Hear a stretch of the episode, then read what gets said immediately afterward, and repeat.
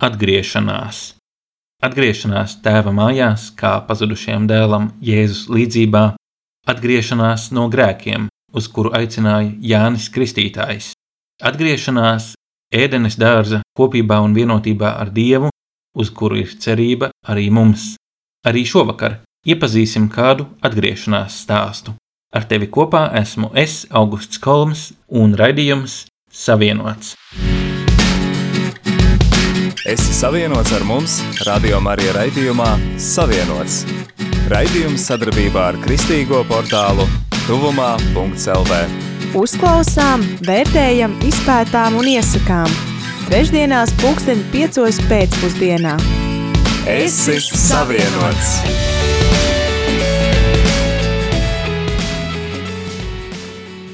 Rubrika Personas.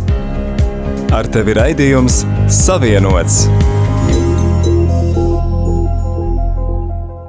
Raidījumā Savienots kopā ar mani ir Liene Baltgaile no Rīgas Doma draudzes. Ņemot vērā situāciju valstī, šī saruna notiek attālināti. Parasti jautā, nu, kas tu esi vai kaut ko tādu, es to jautāšu, kāpēc tu esi? Šī tāds jautājums ir drusciņš sarežģītāks, manuprāt, nevis kas tu esi vai kā. Nu, es jau laikam tagad varētu pilnīgi droši teikt, ka es esmu šeit, tāpēc, ka Dievs tā ir gribējis, tāpēc arī esmu šajā pasaulē. Un vispār kopumā šeit uz zemes, darbojoties ar cilvēkiem, ar līdzcilvēkiem, tā noteikti vistiešākā Dieva griba. Bet nu, tas noteikti ir tikai tas, ko es varu pateikt savos, varbūt pēdējos kādos piecos gados, noteikti ne pirms tam. Nu, jo pirms tam noteikti man tādas atbildes uz šādu jautājumu diez vai būtu. Nu, es pieļauju, ka tas man liktos vienkārši, nu, ka tā bija jābūt, un viss, nu, tā tas arī ir. Nu, tā tas būtu par to, kāpēc es esmu.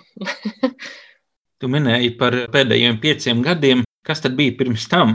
Varbūt no paša sākuma kaut kāds priekšstats tev no kaut kurienes bija par kristīgo ticību un par dievu, vai tas viss ir tikai pēdējie pieci gadi? Nu, priekšstats man noteikti bija. Es pati neesmu augusi kristīgā ģimenē. Man nav bijuši kristīgi vecāki. Man ir bijusi ļoti kristīga vecmāma, kur arī aiz aizkariem padomju laikos nokristīja manu māmu un māmas māsu. Bet ar to tas viss arī beidzās. Kā, nu, tur nebija nekādas tādas izaugsmas ticībā vai attiecības ar Dievu kā tādas.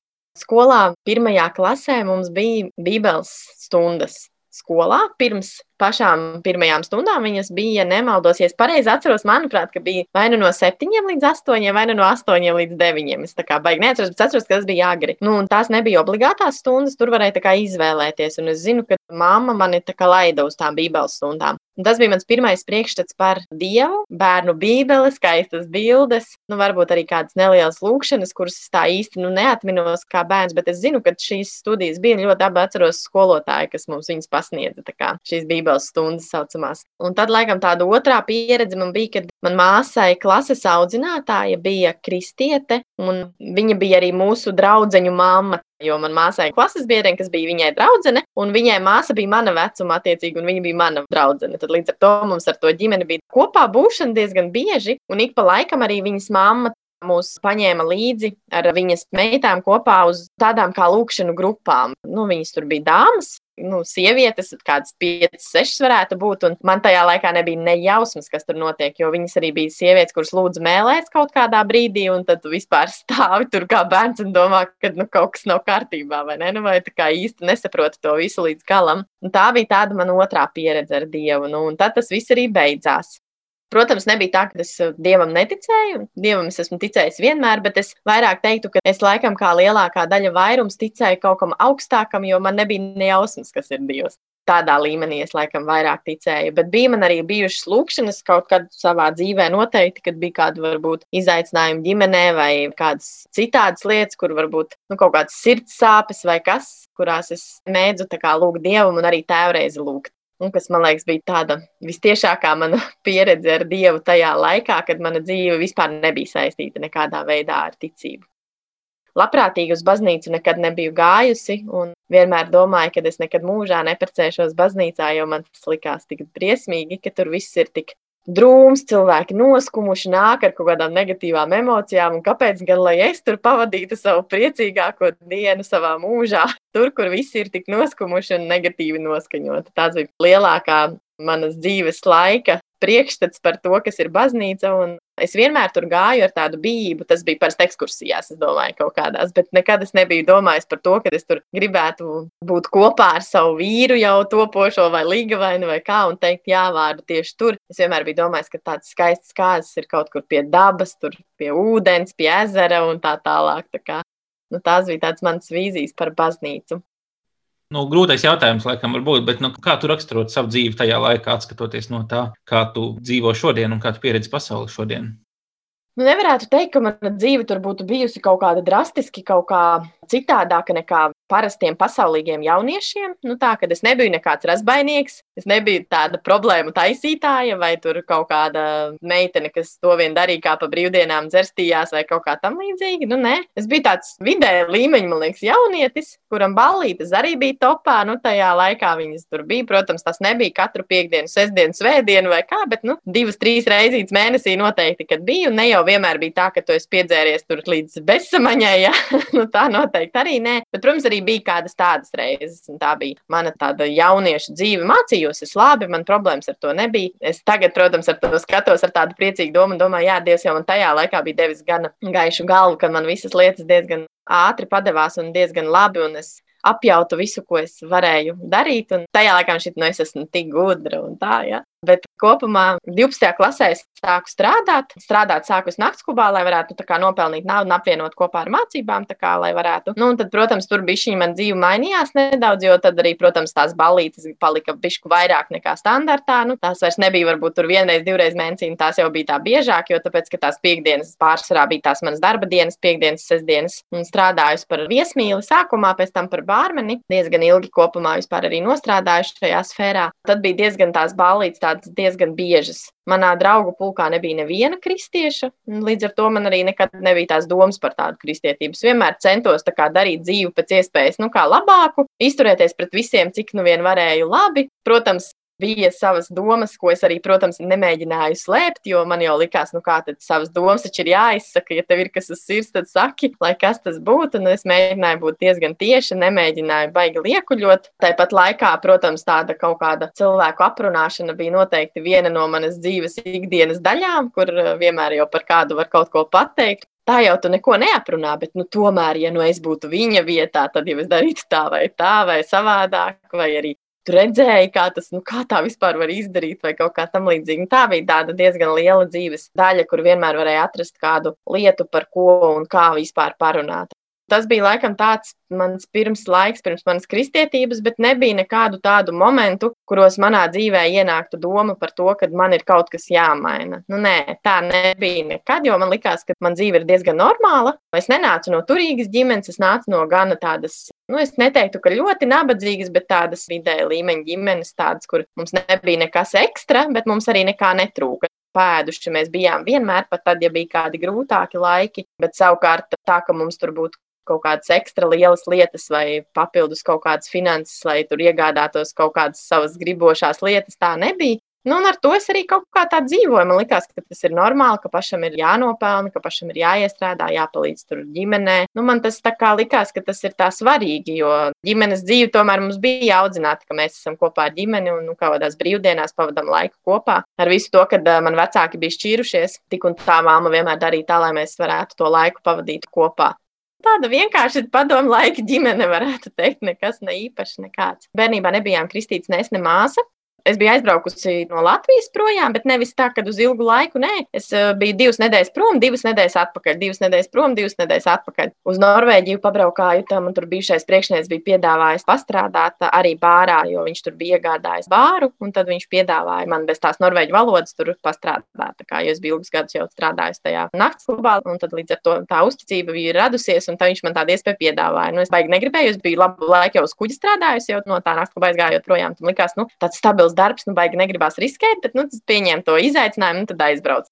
Nu, un tad, jā, tad kaut kādā momentā likās, ka nu, kaut ko gribās ar to savu dzīvi darīt. Nu, tad es jau biju atbraucis uz Latviju. Es domāju, ka man vajadzētu aiziet pie tādas sievietes, dziednieces, pareģotājas kaut kādas tur. Ja? Un mana māsa pie viņas arī bija gājusi vienu reizi, un tad viņa man teica, nu, ej pie viņas, nu, viņa tur baigi labā ir. Nu, es tā baigi visu laiku šaubījos, bet tā bija mana pirmā un vienīgā reize, kad kaut kur biju aizgājusi pie šādiem cilvēkiem. Nu, es aizgāju pie viņas, neko es tur baigu. Nē, nu, laikam es dzirdēju, varbūt to, ko es gribēju dzirdēt, jo es saprotu, ka tāds viss darbojas, ka viņi saka to, ko tu gribi dzirdēt. Nu, varbūt kaut kāda intriga ievērp tavā tajā dzīvē vai kaut ko, nu, kas tev liktu padomāt. Bet tas, ko viņam pateica, viņi man prasīja, vai es esmu kristiete, nokristīta. Es teicu, ka nē, un viņi teica, ka man vajagot nokristīties, nu, lai man būtu šī dieva aizsardzība. Un tad es izgāju no turienes, tas bija Jelgavā, tā sieviete, viņa bija Jelgavā, un um, mums bija atvedusi māsa, un uh, māsai draudzene, tā kā viņas tur kamēr staigājas, un es gāju ārā, un tas māsai to visu tā saku. Un māsa saka, bet zini, viņa man arī teica, ka man ir jākristās, nu, jo es tur neesmu un tā. Nu, tad atbraucu mājās, un diezgan aktīvi sāku meklēt nu, to iespēju, kur var nokristīties. Nu, jo likās, nu, tad, ja jau vajag, tad jau vajag. Mēs ar māsu abas kopā meklējām, jo viņa arī domāja, nu, ja jau vajag, tad jau varam abas kopā. Man māsa ir divus gadus vecāka par mani. Nu, tā mēs izdomājām, ka mums ir jāmeklē baznīca, kas nebūtu sekta. Nu, kā lai mūsdienās atrod baznīcu, kas nav sekta? Jo tāpēc, ka, nu, par to tev nav ne jausmas. Nu, tajā mirklī tu nezināji, kuras ir normālas baznīcas, kuras nē, jo tik daudz jau visa kā ir apkārt. Nu, un tad mēs sākām skatīties. Mēs tajā laikā dzīvojām Mīļu ciemā, domājām, ņemsim kaut ko tuvāk kaut kur pie mūsu mājām. Un, ja nemaldos, tā bija Tonkalna baznīca, ko mēs skatījāmies, vai arī, vai arī es tiešām neatceros, bet nu, tas bija kaut kur pa ceļam. Bet nu, tur katrā ziņā bija baznīca, un nu, mēs tur skatījāmies, un pēc tam tā domājām, nu, nē, Tā kaut kā nav tur romulīgi. Nu, man nu, nevisai, nu, liekas, nu, ka kaut kas īsti nebūs. Domāju, nu, labi, nu, ko lai dara, nu, kur lai meklē vispār kaut ko. Un beigās domāju, labi, jāsāk ar centru. Jo centrā jau tu taču zini, nu tās, kas ir centrā, nu diez vai tur būs sektas kaut kādas. Un tā mēs uzgājām to domu baznīcu. Doma baznīca uzrakstīja e-pastu uz kanceleju. Tas bija 2013. gada rudens, kad es uzrakstīju, ka mēs mās gribētu nokristīties, vai tas ir iespējams un kas ir jādara un tā tālāk. Un tad tā sieviete no kancelejas uzrakstīja, ka viņiem tieši Nākamā gada sākumā, 14. gada janvārī, sāksies Doma draudzē alfa kurs, kurā var iziet šo iesvētas mācību, un tad arī pēc šīs mācības tikt nokristītiem. Nu, kad ir jāpagaida apmēram tie pāris mēneši. Nu, jo es rakstīju, man liekas, jau oktobrī kaut kādā, ja nemaldos. Un tad mēs ar māsu domājām, nu, labi, ir doma baznīca. Nu, tā ir tomēr tāds nu, drošs avots, varētu tā teikt. Nu, tad gaidām to janvāri un tad piesakamies. Pieteicāmies uz to alfa kursu un tad izgājām šajā 2014. gada pavasarī, un tad 1. jūnijā mums bija kristības. Protams, nebija tā, ka mana dzīve mainījās pilnīgi krasi un uzreiz, kad es metu pie malas savas ballītes un vispārējo, nu, tā kā savu to ikdienas dzīvi, noteikti tā nebija. Man bija savs priekšstats par Dievu, man ļoti patika visas tās lekcijas. Tiešām lika daudz ko padomāt, arī atcerēties kaut kādas lietas, kurās tu ieraugi, kur tev noteikti Dievs bija blakus kaut kādās situācijās vai kaut kā tā. Nu, un tad deva iespēju piedalīties nākamajā alfa kursā kā tādam palīgam. Nu, un es izdomāju, ka es to gribu darīt, jo man tā vide ļoti patika. Man likās tā baigi jauki. Es arī apkursu laikā jau sāku iet uz dievkalpojumiem. Nedaudz sāku iet vairāk ceturtdienas dievkalpojumus, jo domā ir ceturtdienās, sešos vakarā, 45 minūtes. Man viņi likās tādi, kur man neviens nebāžās virsū. Es tur jutos tā gana drošāk ar visu to, ka tur bija mazāk cilvēki, bet man likās, ka tas ir tā daudz privātāk. Svētdienas dievkalpojums likās, nu, bišķi pa garu, pusotru stundu. Nu, nu kur nu tur svētdienā pusotru stundu? Ja, nu tā.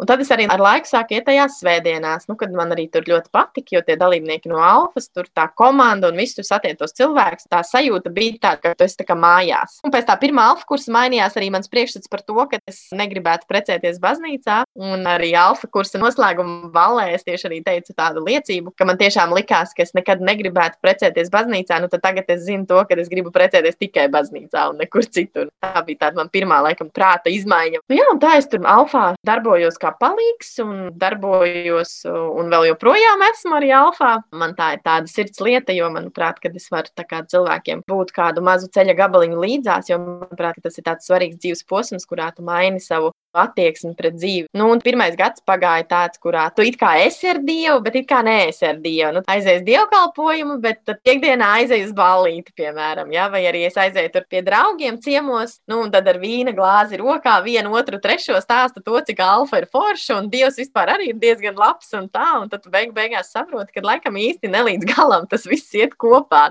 Bet tas pirmais, ko es biju pamanījusi, tā kā es strādāju naktsklubā diezgan ilgi, un man naktsklubā bija ļoti daudz krievu valodā runājoši cilvēki, kas ļoti labi lamājās vienmēr, nu, mēdza lamāties, nu, es domāju, no komandas.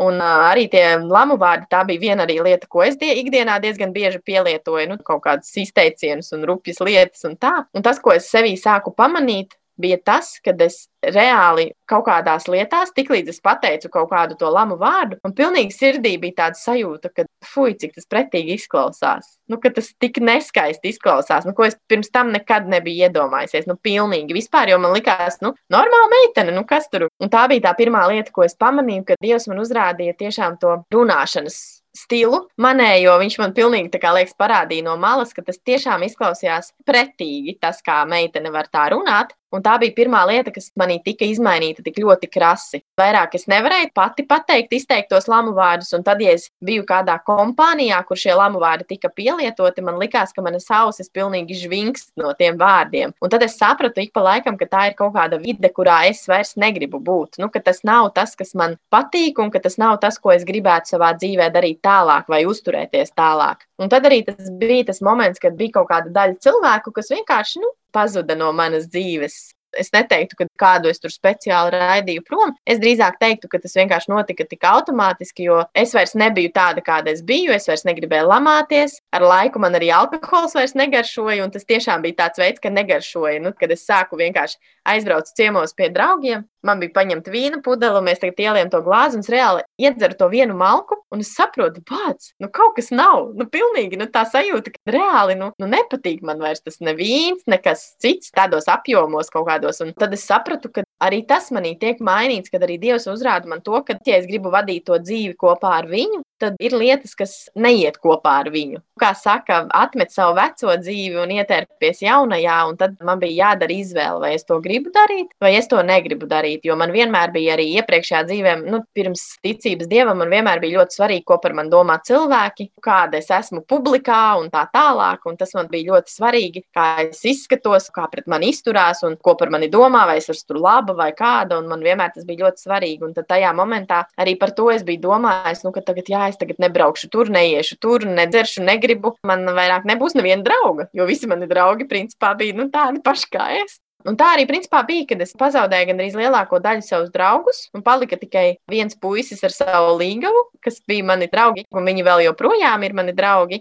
Viņi nav kristieši. Meitene arī izgāja alfa kursu pie mums domā, bet viņiem nav dzīve tā nav mainījusies, bet viņi mani pieņem tādu, kāda es esmu. Viņi zina, ka es ticu Dievam, es arī viņiem šad un tad kaut ko pastāstu par Dievu, un man nav problēmas pie viņiem būt, un viņi man nepērma to, ka es ar viņiem vairs neballējos vai negribu iedzert, jo viņi bija viena no tiem, ar kuriem mēs ik pa laikam satikāmies un mēdzām iedzert kopīgi, un tad tur kādas runas un tā tālāk. Tad tagad mūsu tikšanās reizes ir pilnīgi citādākas ar tēju un tā, un mēs ļoti labi pavadām laiku, un viņi tiešām ir tādi cilvēki, kas man ir tādi sirds draugi. Bet kopumā, principā, es paliku bez draugiem, es par to nepārdzīvoju nevienā mirklī, jo man tiešām sirdī bija tā sajūta, ka tādu dzīvi es vairs negribu. Un tas bija tās divas lielākās manas dzīves izmaiņas. Pirmais bija tie lamu vārdi, un otrais, ka man pašai bija šoks, kad es tiešām dzeru to glāzi vīnu, un man reāli negaršo vairs nu, tiešām tā, ka es vienkārši nu, skatos, un man ir pilnīgi tik neitrāli, ka, ja varbūt kādam likās, ka jā, viņi tagad tēlo baigo kristieti, tur nedzer vai kaut ko, bet tas bija pilnīgi nepiespiesti, jo es tiešām to negribēju darīt. Un es vienmēr par to biju tik priecīga un sajūsmināta, kad man vienmēr bija tā pateicība Dievam par to, kādu viņš mani ir radījis, kādu viņš man ir mainījis, kādu viņš mani veidojis un kādu viņš vēl joprojām mani veido. Un mani dzīves tādi priekšstati par dzīvi pilnīgi mainījās, arī dzīves vērtības. Nu, es neteiktu, ka varbūt tur simtprocentīgi tā krasi, bet noteikti manā dzīvē nepalika vairs pirmā vietā tur mana karjera, mana izaugsme un tā tālāk, kas nav mazsvarīgi, kas arī, protams, ir svarīga lieta, jo, manuprāt, Dievs ir mums dāvājis atklājis prātu, gudrību, visu, lai mēs to lietotu, nevis noliktu kaut kur plauktā un domātu, ka Dievs mums iedos visu arī tāpat. Viņš mums ir devis šo veselo saprātu, lai mēs domātu, bet man kaut kā dzīvē parādījās tādas primāras vērtības, ko es vēl joprojām arī gribu, un dažkārt pārdzīvoju, ka tam ik pa laikam nepietiek varbūt tik laika daudz, kā gribētos, kad gribās veidot tās attiecības ar Dievu, gribās būt Dieva tūmā ar vien vairāk, tāpat lūkšanas, tāpat lasīšana, vārda lasīšana, bībeles lasīšana, kādas lekcijas izglītojošas saistībā saistībā ar Dievu vārdu. Gribās to arvien vairāk, arvien vairāk un vairāk, un tas ir tas, kur es sajūtu to dzīves piepildījumu. Un neatkarīgi no kaut kādām situācijām dzīvē, darbā vai attiecībās vai kur, es tiešām reāli jūtu dzīvē Dieva tuvumu, to, ka Viņš ir visu laiku blakus, ka Viņš man ir līdzās, lai vai kas notiktu. Pat tajos brīžos, ja man šķiet, ka viņš nav man līdzās, viņš tomēr ir līdzās, jo tu tam visam vari iziet cauri. Un tā dzīves prioritātes ir pilnīgi savādākas. Jo es nepārdzīvoju par to, ka man dzīvē ir maz draugu, jo man viņi arī nav tagad daudz. Man ir daži draugi no draudzes, un šie divi cilvēki, par kuriem es esmu ļoti priecīga un pateicīga Dievam. Bet vai es pārdzīvoju par to, ka man ir kaut kādas dienas, kurās es esmu viena pati, un varbūt man īsti neviens tur nezina, vai kā? Noteikti nē. Es esmu ļoti priecīga par visu, kas manā dzīvē ir. Jo es uzskatu, ka vērtība nav tajā, cik tev ir cilvēki apkārt, bet vērtība laikam ir tajā, cik daudz tu ar tiem taviem līdzcilvēkiem vari runāt par to, kas tev patiesi ir svarīgs. Man patiesi svarīgs ir Dievs, un es esmu priecīga, ja man ir kaut vai viens cilvēks, ar kuru es varu parunāt par Dievu. Un, nu, viņi ir vairāk kā viens, un es esmu par to ļoti pateicīga. Tāpēc es saprotu, ka vērtība nav tajā masā, bet vērtība ir tajā kvalitātē. Tā es mēģinu tagad arī turpināt savu dzīvi ar kvalitātes zīmi, nevis ar masveida kādu citādu veidu zīmi. Es tiešām to mēģinu, un esmu priecīga arī par to, ka manā ģimenē tagad ir kristietība diezgan augstā līmenī. Nu, ne augstā līmenī, bet runāta lieta, jo arī mana māsa ir kļuvusi par kristieti caur alfa kursu, un arī mana mamma ir kļuvusi. Viņa bija gan kristīta jaunībā, bet iesvētīta viņa nebija, un līdz ar to viņa arī gāja alfa kursu. Mēs ar māsu viņu pavilkām, un tad es varu teikt, ka mums ģimenē Mēs esam trīs kopā, plus Ome, kura nav kristieta, bet mums ir ticība un cerība, ka pienāks arī viņas laiks. Tāds ir mans īsais stāsts, īsais vai garais, kā to pateikt.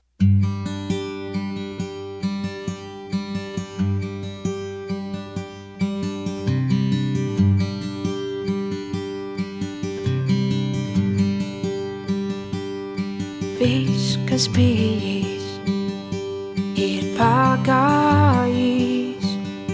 viss tapis jauns, viss piepildīts.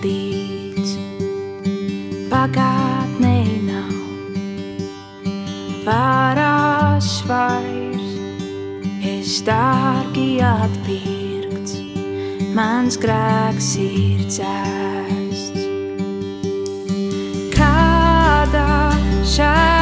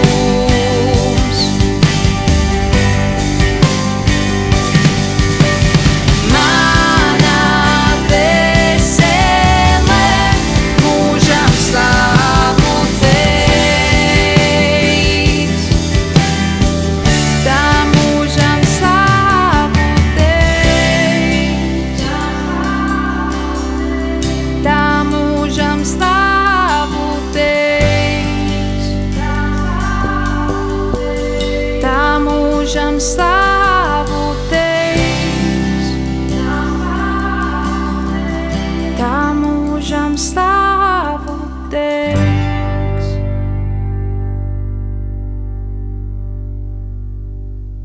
Tātad tavas ģimenes atgriešanās pēc būtības nāk no šīs vienas pareģa tantes, kura tevi īstā brīdī aizsūtīja nokristīties. Es domāju, tas arī ir kaut kas unikāls. Vai varbūt nē, varbūt tas vienīgais, ko viņi dara, tikai sūta visus uz baznīcu. Tad, nu, Nu, cerēsim, jo patiesībā mēs ar māsu viņai arī aizsūtījām pēc tam vienu ziņu par to, ka mēs pie viņas vairs nekad nebrauksim.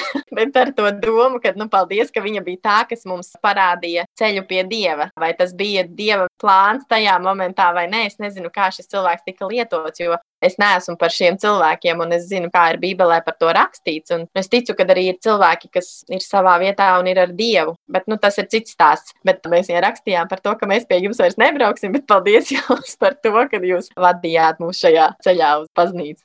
Jā, nu, teologs Kārlis Bārcis jau teicis, ka, rakstījis, ka Dievs var uz mums runāt caur flautas koncertu, vai ziedošu krūmu, vai krievu komunismu, vai beigtu suni. Nu, galvenais ir, ka mēs viņu klausāmies. Mm -hmm. Es pieņemu, tas ir tas šeit ir pierādījies. Tas noteikti tā arī ir. Jā, es arī ticu, ka Dievs laikam saprata, ka citu ceļu es varbūt neuzklausītu vienkārši.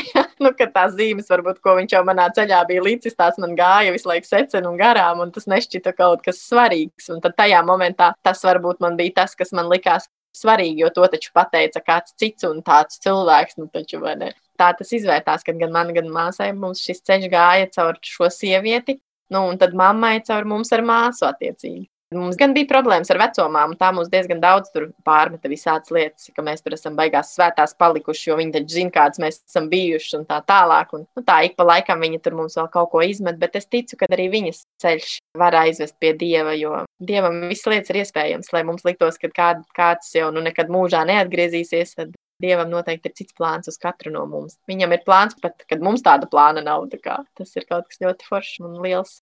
Jā, redz, tu saki to, ka dievam ir plāns, ne? Es domāju, tas ir tas, kā mēs, kristieši, redzam pasauli, ka nu, viss ir kaut kādā ziņā sakārtots, organizēts, visam ir sava jēga, kāpēc tas ir. Kā tas bija agrāk? Nu, es domāju, labi, kaut kāda garīga izpratne tev bija, varbūt, es saprotu, ne tāda sakārtota, sistematizēta, varbūt tas, nu, pagānismam ir raksturīgi, nu, tas šie spēki, kas savā starpā cīnās un tā tālāk, un kaut kāds garīgums ir un ir kaut kas labs un kaut kas slikts, un tas viss kaut kā miedarbojas. Kā tu salīdzinātu tavu skatījumu uz pasauli, kā tu redzi šodien, kā ticīgs cilvēks, kas uz pasauli tomēr skatās kā uz dievu radītu un kaut kādā ziņā jēgpilnu, un, un to, kā bija pirms tam. Vai tu mani kādas nozīmīgas izmaiņas šeit, vai tā iekšējā sajūta tev varbūt vairāk mazāk jau bija kā tagad? Nu, es teiktu, ka tas noteikti manu izmaiņas, jo, ja es salīdzinu, piemēram, kā ir tagad un kā bija tad, tad es teiktu, ka tad es biju reāli egoistisks cilvēks, egocentrisks, jo man šķita, ka viss grozās ap mani. Nu, kā tu arī pareizi teici, ka pagāniskā vidē nu, tas ir vienkārši tas, kā mēs dzīvojam, kad mums katram cilvēkam lielākoties, es teiktu, varētu būt kādiem 80-90% pasaulīgi cilvēki, kas nav ar Dievu. Viņiem jebkurā gadījumā liekas, ka tā pasaule vairāk vai mazāk griežas to, kas esmu es. Nu, kad es esmu tas centrs, vismaz savā dzīvē es esmu tas centrs, Un, lai kas man būtu apkārt, tas ir daudz mazsvarīgāks nekā esmu es un manas vēlmes. Un es taču esmu tik laba, un es visiem gribu labu, bet pret mani šitā un tā un vēl kaut kā. Protams, ir katram arī tas savs plāns arī dzīvē, arī manai dzīvē. Es tur biju jau izdomājis, kas es gribētu būt, kas es taču negribētu būt, un tā, un tad, tad dzīvot ar tādu baigo tūkstošu kilometru rādījusā uz priekšu, mēģini tur savu dzīvi saplānot un nebaudi to, kas tev ir dots tagad un šajā mirklī. Un es nebūtu nesaku par to, ka nav jāplāno sava nākotne. Nu, tā kā nav jābūt kaut kādiem dzīves mērķiem, tiem noteikti ir jābūt, un arī sapņiem ir jābūt. Tie noteikti palīdz mums motivēt, bet es domāju par to, ka es laikam tomēr tajā laikā tik ļoti koncentrējos uz visu to, kas ir man svarīgi, uz savām emocijām, uz savām sajūtām, uz to, kādai vajadzētu izskatīties nākotnē un kādai viņai nevajadzētu izskatīties, kad, manuprāt, es palaidu garām savā dzīvē ļoti daudz labas lietas, kas man bija dotas kaut kādā konkrētā momentā. Un tad tagad es uz to pilnīgi citādāk skatos, jo es tiekšu godīgi, es katru dienu baudu. Es izbaudu to, ka es varu piecelties, es esmu pateicīga Dievam, ka es varu atvērt acis un ka man ir jauna diena, kad es varu staigāt uz savām kājām, ka es varu iziet ārā, kad es varu tiešām nevienam neatskaitoties kaut kā nu, ka man nav jāslēpjas kaut kur, ka es gribētu lasīt vārdu, vai ka es kaut ko gribētu iet palūgt. Man tas nekur nav jāatskaitās, nu, kad es to varu darīt. Un tās uh, dienu novērtēšana, manuprāt, es tiešām esmu iemācījusies ieraudzīt visā. Tas varbūt izklausās tā diezgan pārspīlēti, bet es tiešām esmu iemācījusies ieraudzīt visās lietās kaut ko labu. Nu, tiešām ar to, ka pat tad, ja ir slikta situācija vai kaut kas slikts ir noticis, es tik un tā tajā mēģinu ieraudzīt kaut ko labu ar domu, ka es zinu, ka Dievs šo situāciju pārzina vislabāk, un es zinu to, ka arī šajā situācijā Viņš man iedos vai risinājumu, vai mierinājumu, vai kādu pamācību, vai kādu atziņu vai atklāsmi. Tā dzīvojot, man tiešām katra diena šķiet kaut kas ļoti liels un brīnišķīgs. Man liekas, ka tā katra diena ir principā brīnums. Katru dienu pamostos ar to, ka es esmu atkal atvērusi acis brīnumā. Manuprāt, mums ir tik ļoti pašsaprotami lietas, ka es varu elpot, es varu staigāt, es varu ēst,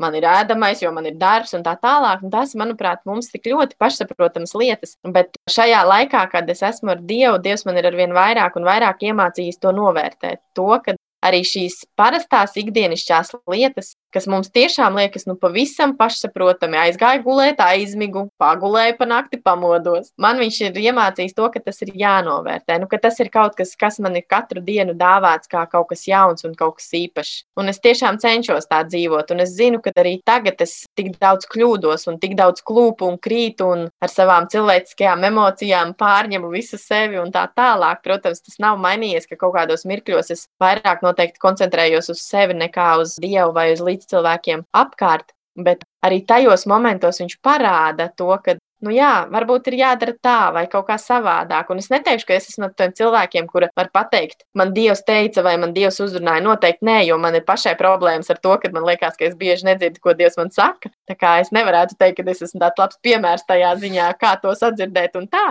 Bet es domāju, tās iekšējās sajūtas ir tādas, ka, nu, liekas, ka Dievs grib tev ar kaut kādām tām lietām tevi izvest kaut kam cauri un atkal kaut ko jaunu parādīt. Tas ir noteikti tas, kā man dzīve ir mainījusies. Kad, lai cik būtu, piemēram, slikti, es nekoncentrēšos uz to slikto, nu, nebūtu ne, bet es tieši otrādi es tajā tiešām saskatīšu kaut ko labu, jo es zinu, ka pāri visam tam ir Dievs un viņš to visu redz un viņš zina, kāpēc tā situācija ir tāda un kāpēc tam ir jānotiek. Un, nu, tā paļāvība sirdī uz to, ka viņš jebkurai situācijai var izvest cauri, tas ir kaut kas tāds, ar ko es cenšos katru dienu staigāt. Ja agrāk man uz pleciem bija ārprāts, es tur tāda, es tur viss šī tāda, un es tik visu, un visur bija tikai SSS un neviens cits, ja, tad tagad es tiešām cenšos to savu ego atdot dievam, lai viņš ar to kaut ko dara. Nu, kas nevienmēr izdodas, jo es esmu cilvēks, kurā mēdz arī kļūdīties un, un mēdz uz sevi koncentrēties kaut kādā patmīlībā vai sevi žēlošanā. Bet kopumā, jā, tā man dzīve iet uz priekšu kopā ar Dievu, kas ir daudz foršāk nekā būt kopā ar savu ego. Un tu nāci pie Kristīgās baznīcas caur alfa kursu, un tagad jau tu esi uzņēmusies alfa kursa vadīšanu, rīkošanu, doma draudzē. Ja tu tagad varētu nu, parunāt teiksim, ar, nu, ar sevi, kāda tu biji ar, ar Lienu pirms desmit gadiem, ko viņa sacītu? Padzirdot, ka viņai saka, ka pēc desmit gadiem tu vadīsi alfa kursu. Labi, viņa jautātu, kas sastāvs ir, bet pēc tam Kā tev šķiet, kāda būtu viņas atbilde? Tu minēji par to, ka tev pagātnē bija kāda vīzija par to, kāda būs un kāda nebūs tava nākotne. Mm -hmm. nu, es domāju, ja man tādu jautājumu uzdotos desmit gadus atpakaļ, es noteikti pateiktu, ka pff, jā, es to varētu izdarīt. Kāpēc taču ne? Es tā kā esmu tik gudra un izglītota, kāpēc kaut ko nepakoordinēt? Ja?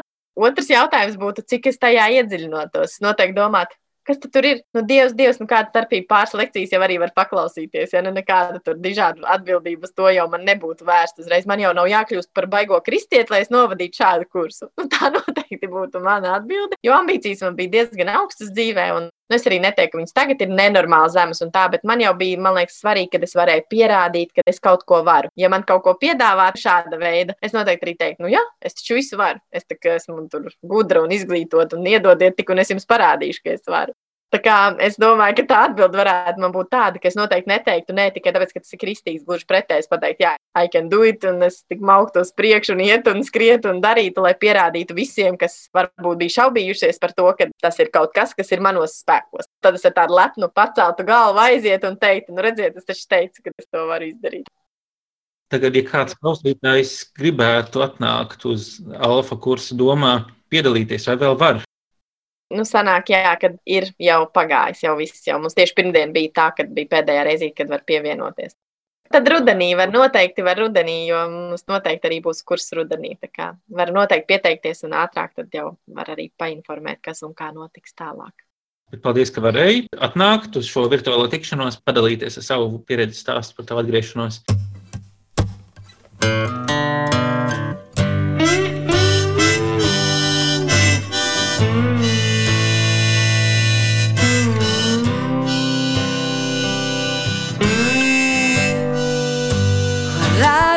I've been blind to the depths of my soul.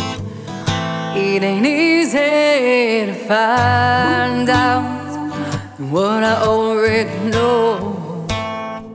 Deep down inside, I, I feel the hunger. But it ain't over till the last soul comes home.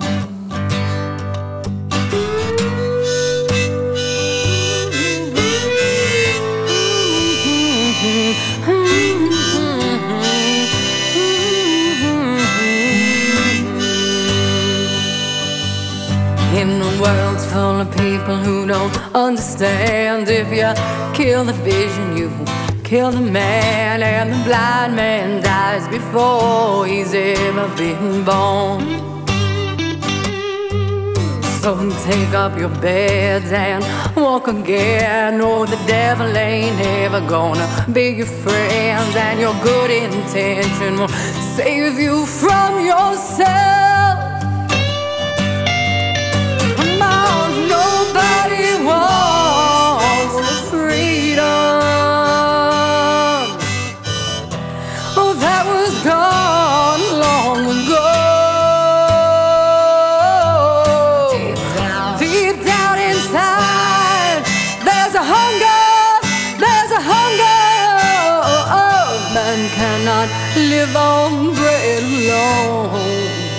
But I keep wasting time when it's time to go.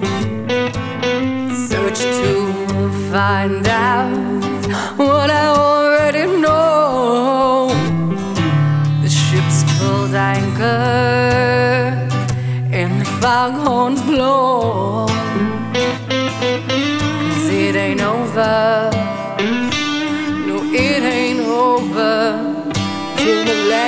Soul comes home.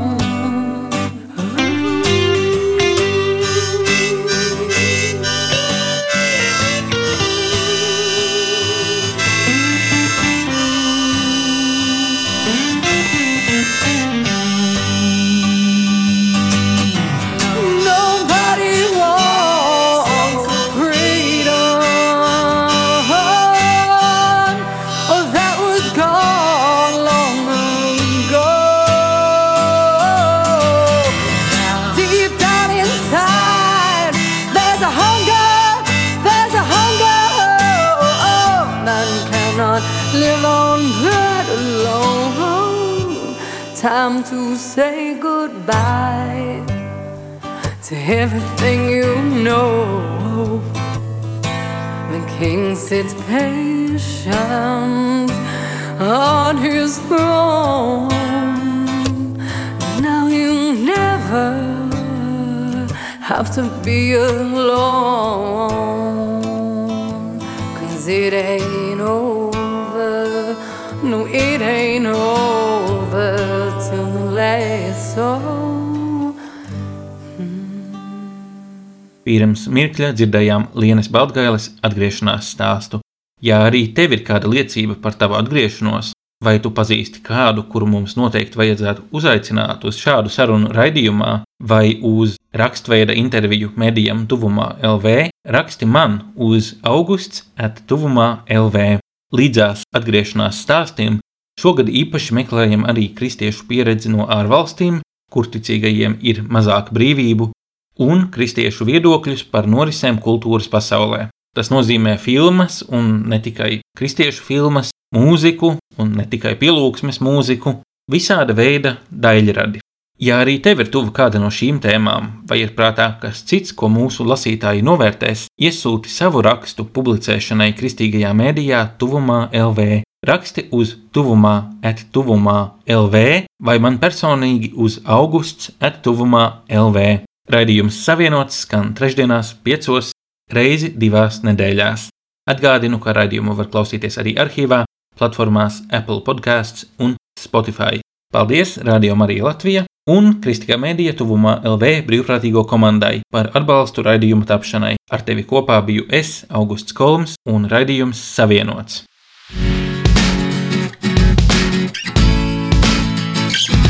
Tu klausījies raidījumu Savienots. Būsim atkal ēterā trešdien pulksten piecos pēcpusdienā. Klausies mūsu radio Marija un lasi kristīgo portālu tuvumā.lv. Es esmu savienots!